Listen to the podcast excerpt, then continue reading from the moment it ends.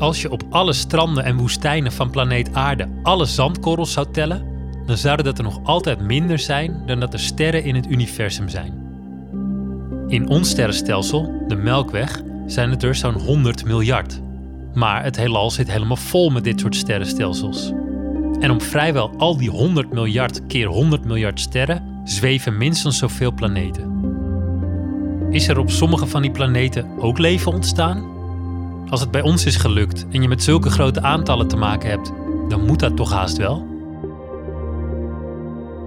Mijn naam is Ewout Lowy en dit is Overleven in het Heelal, een podcast van Origin Center. Origin Center is een samenwerking tussen wetenschappers in heel Nederland die onderzoek doen naar vragen als hoe ontstaat er ergens leven? Hoe ontwikkelt leven zich van eencellige microwezentjes tot palmbomen, inktvissen en bijvoorbeeld ons, intelligente menswezens?